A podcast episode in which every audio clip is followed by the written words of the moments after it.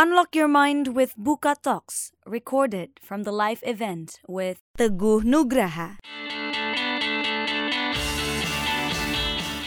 bisa coding dan juga uh, reporting atau visualization dalam satu dokumen gitu.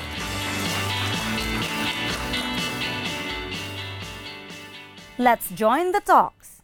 Iya, di sini ya saya dan Mas Andra akan menjelaskan tools-tools apa aja sih yang kita pakai, stack apa aja yang kita pakai, uh, baik untuk analytics ataupun nanti untuk AI yang akan dijelaskan oleh uh, Mas Andra.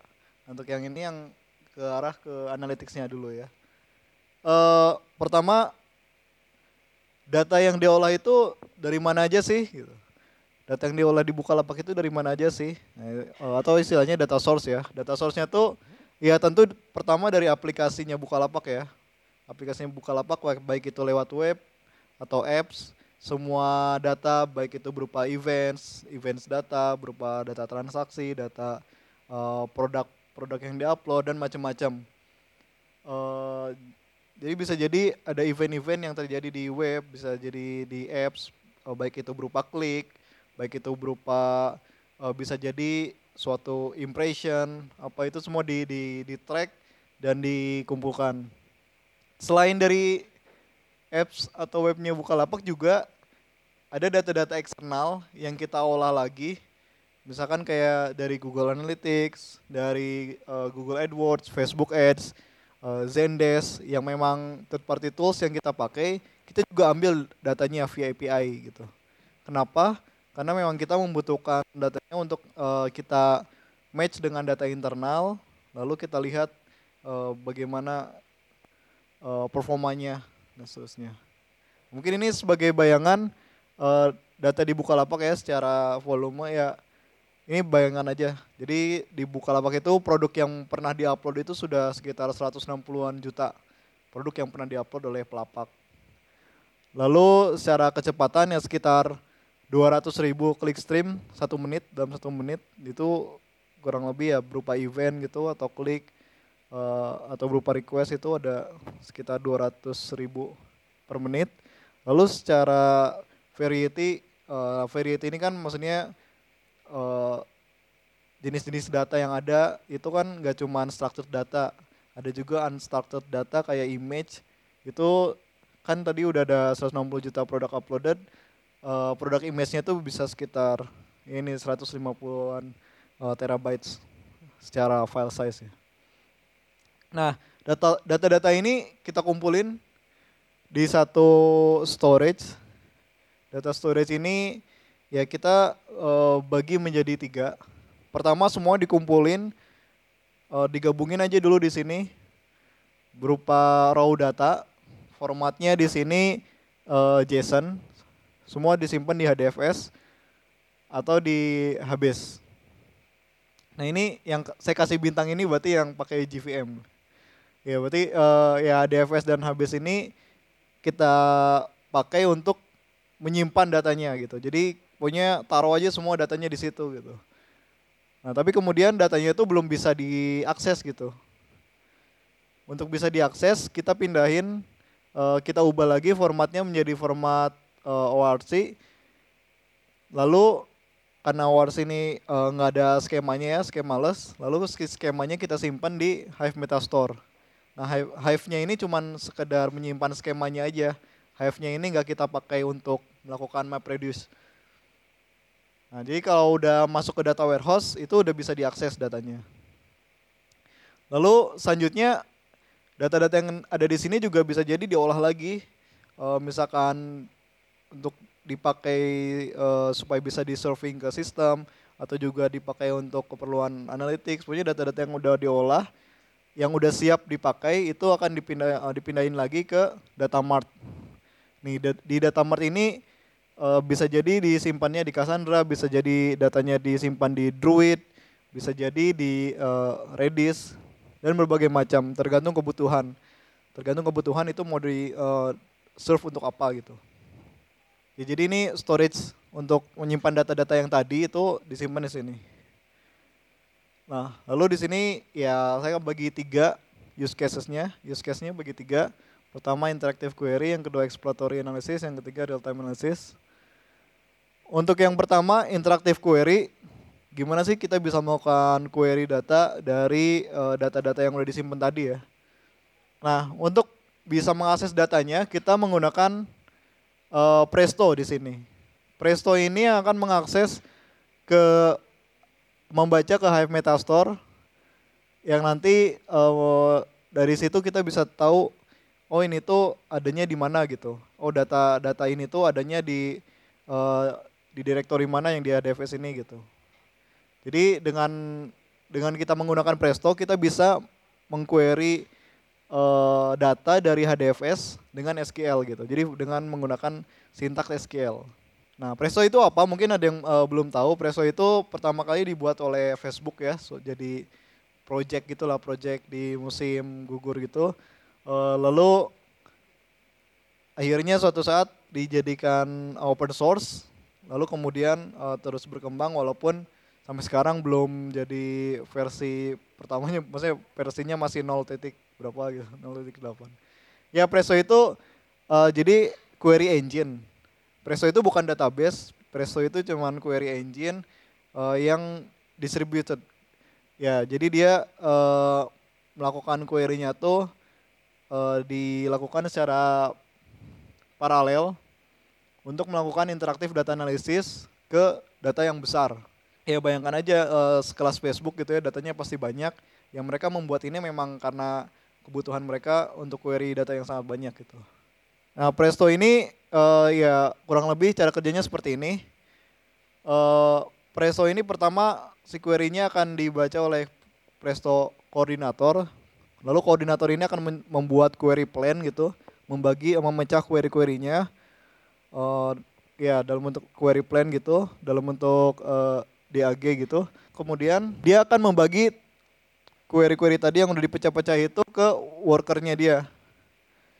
Dibagi-bagi, uh, ya tergantung berapa banyak worker yang kita set dan juga berapa resource yang kita kasih ke Presto-nya itu. Lalu workernya ini akan mengakses ke HDFS berdasarkan uh, skema yang kita set uh, specify di Hive Metastore ini. Jadi ya basically Presto ini melakukan query tapi secara uh, paralel gitu. Nah, kenapa sih kita pakai Presto? Pertama, Presto ini dia uh, nggak bukan bukan MapReduce kayak Hive ya. Uh, jadi ya ini benar-benar query langsung gitu. Dia sebenarnya uh, melakukan pemrosesannya tuh in memory. Jadi lebih cepat daripada uh, MapReduce menggunakan Hive. Lalu yang kedua, uh, Presto ini juga bisa diakses menggunakan GDBC. Jadi kan banyak kayak kayak Tableau gitu banyak dan BI tools yang lainnya itu kan bisa connect pakai uh, eh, GDBC makanya bisa langsung connect ke Presto gitu. Jadi banyak tools-tools yang bisa connect ke Presto. Lalu selain itu juga si Presto ini punya banyak konektor. Presto ini punya konektor yang kayak plugins gitu. Kita tinggal eh, pasang-pasang uh, aja gitu. Misalkan uh, ya tadi kan kita pakai Hive Metastore maka, uh, maka pakai konektornya untuk Hive dan dia juga bisa query-query ke database yang lain, HBase, Cassandra, bahkan kayak MySQL, ya Postgre dan Mongo itu juga bisa di query oleh Presto dengan menggunakan konektornya. Jadi kalau oh mau ini ya udah pasang konektor untuk uh, database itu dan seterusnya. Bahkan bahkan dia bisa melakukan join antara database-database. Jadi bisa misalkan bayangkan uh, join data dari me, uh, dari MySQL ke Mongo. Di join menggunakan satu query di Presto itu bisa gitu. Uh, kita juga udah ya sering gitu uh, join dengan uh, data misalkan uh, di Hive lalu misalkan ya MySQL dengan Mongo. Uh, itu itu possible dengan Presto. Jadi itu uh, alasan kami menggunakan uh, Presto. Ya terus uh, ngaksesnya lewat apa sih? Nah ini salah satunya uh, visualization dashboard yang kami gunakan itu salah satunya Rides. Tapi Rides ini uh, Python ya, Python base. Jadi di sini ada di Rides ini ada SQL editornya. Ada SQL editornya dia bisa connect ke Presto Jadi di situ ya yaudah tinggal uh, masukin SQL-nya, execute, lalu keluar datanya langsung bisa dibuatkan visualisasinya, tinggal pilih. Jadi dia dia juga support banyak macam-macam visualisasi kayak pie chart, uh, cohort, uh, geo ya geo apa berupa peta seperti ini dan macam-macam. Dia bahkan bisa bisa query menggunakan Python code gitu. Jadi di di editornya tinggal masukin Python code uh, untuk kayak mentransformasi data dan segala macam itu bisa. Uh, dan juga bisa dikasih filters, parameters, bahkan bisa alerting. Jadi untuk akses data-data tadi bisa bisa lewat 3ds dan bisa ya sebenarnya bisa yang macam-macam kayak Tableau juga bisa uh, untuk akses Presto atau bahkan kayak Workbench J ya.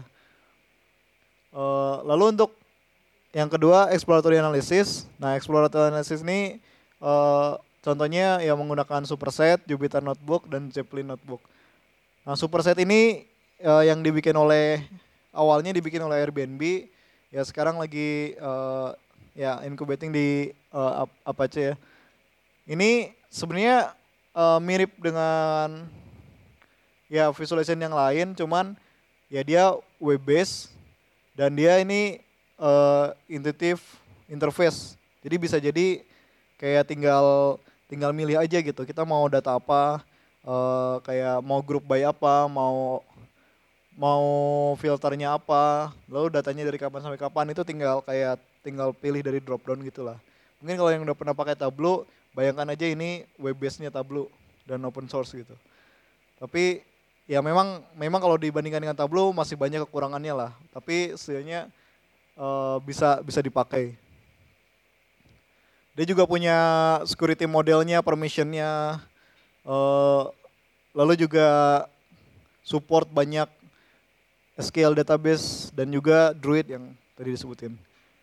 Terus juga bisa didefinisikan eh, uh, ulang gitu, misalkan, oh ini kolom ini dibacanya uh, jadi apa lalu di ya bisa macam-macam.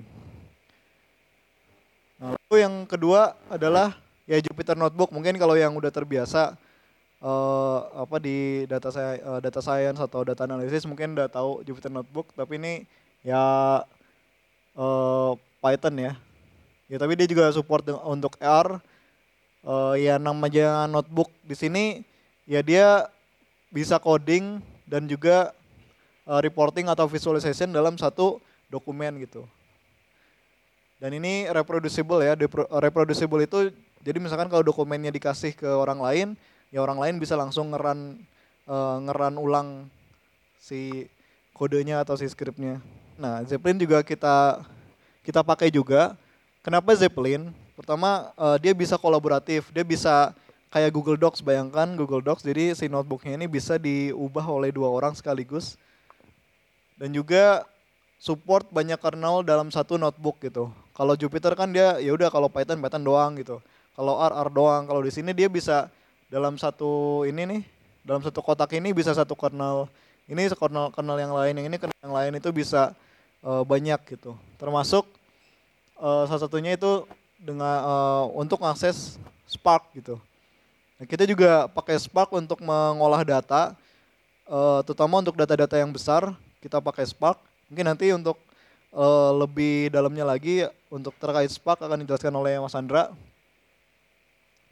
Jadi uh, Zeppelin ini ya kayak kayak Jupyter Notebook, cuman dia uh, lebih lebih bisa dipakai untuk macam-macam gitu. Maksudnya dia support banyak kernel dan terutama ke Spark gitu. Dia sangat support uh, untuk mengolah data menggunakan Spark. Lalu juga di notebooknya sendiri udah ada visualisasi-visualisasinya. Jadi misalkan kita udah punya datanya, ya kita tinggal pilih aja visualisasinya apa. Jadi itu uh, Zeppelin ya, dan ya Spark juga ini uh, eh, GVM ya, eh, Zeppelinnya juga. Nah lalu untuk real time analisisnya, uh, ya kebanyakan kalau real time ini lebih ke monitoring ya. Jadi uh, karena memang apa ya, yang namanya real time itu nggak begitu uh, mendalam biasanya. Biasanya kayak cuman uh, in a glance doang gitu atau misalkan uh, cuman cari mas uh, cari ada problem gak saat ini gitu. Nah pertama um, matrix monitoring, mungkin untuk yang ini nggak ada GPM-nya ya. Uh, kita pakai Prometheus, Influx, dan visualisasinya ini pakai uh, Grafana gitu. Ini biasanya data-data real time yang kita masukin ke sini. Lalu untuk uh, logging kita pakai Elasticstack. Uh, biasanya di Kibana, Kibana itu si visualisasinya, visualization dashboardnya, dan juga untuk nge-query uh, secara real time. Jadi biasanya di sini udah langsung kelihatan gitu uh, data sampai lima menit yang lalu itu juga udah masuk datanya. Bahkan ya semenit yang lalu juga udah ada datanya. Uh, biasanya di sini yang kita lakukan itu adalah mengquery kalau misalkan ada uh, ya request request log gitu kita query lewat sini lalu untuk debugging gitu misalkan ada bug gitu kita cari-cari di sini lalu untuk uh, ya bug itu sebenarnya kejadian berapa banyak sih, berapa banyak user yang kena bug itu itu juga di sini. Lalu juga seben, sebenarnya bisa aja kita bikin visualization dashboard di sini. Cuman kalau di Bukalapak kita nggak pakai sih uh, untuk visualization kayak gini. Tapi itu possible. Ya ini uh, ngumpulin atau kesimpulan dari yang semua tadi uh, dikumpulin jadi kira-kira seperti ini. Tapi untuk yang analytics ini yang ada warna kuningnya ya. Oke, terima kasih. Uh, ya, malam. Buka aja buka lapak